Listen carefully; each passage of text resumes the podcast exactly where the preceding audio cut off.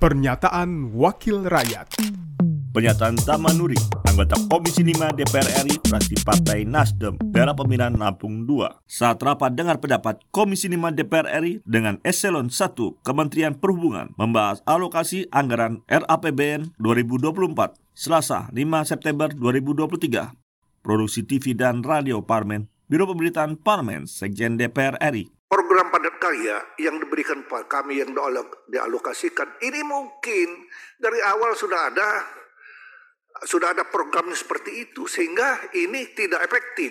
Masa punya saya andai kata dialokasikan ke Bangka Belitung, ke Jambi, ke apa Sumatera Barat. Ya apa gunanya seperti itu? Kalau mau membantu padat karya, berikanlah di dapilnya masing-masing sehingga bisa kami awasi sehingga bisa kami tahu kalau ini masa apa? Masa saya mau ke Bangka? Masa saya mau lihat di apa itu Sumatera Barat? Masa saya mau lihat Bengkulu? Kan nggak mungkin tuh Pak. Nah jadi oleh karena itu mohonlah jangan ansor Pak, mohon. Saya katakan jangan ansor. Angin sorga nggak ada gunanya itu.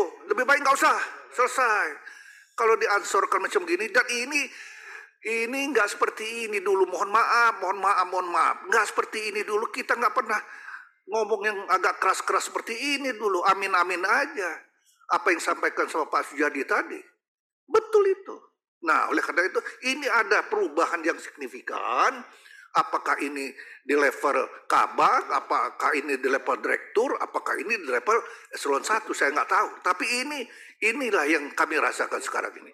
Pernyataan Tamanuri, anggota Komisi 5 DPR RI, fraksi Partai Nasdem, daerah pemilihan Lampung 2. Produksi TV dan Radio Parmen, Biro Pemberitaan Parmen, Sekjen DPR RI. Pernyataan Wakil Rakyat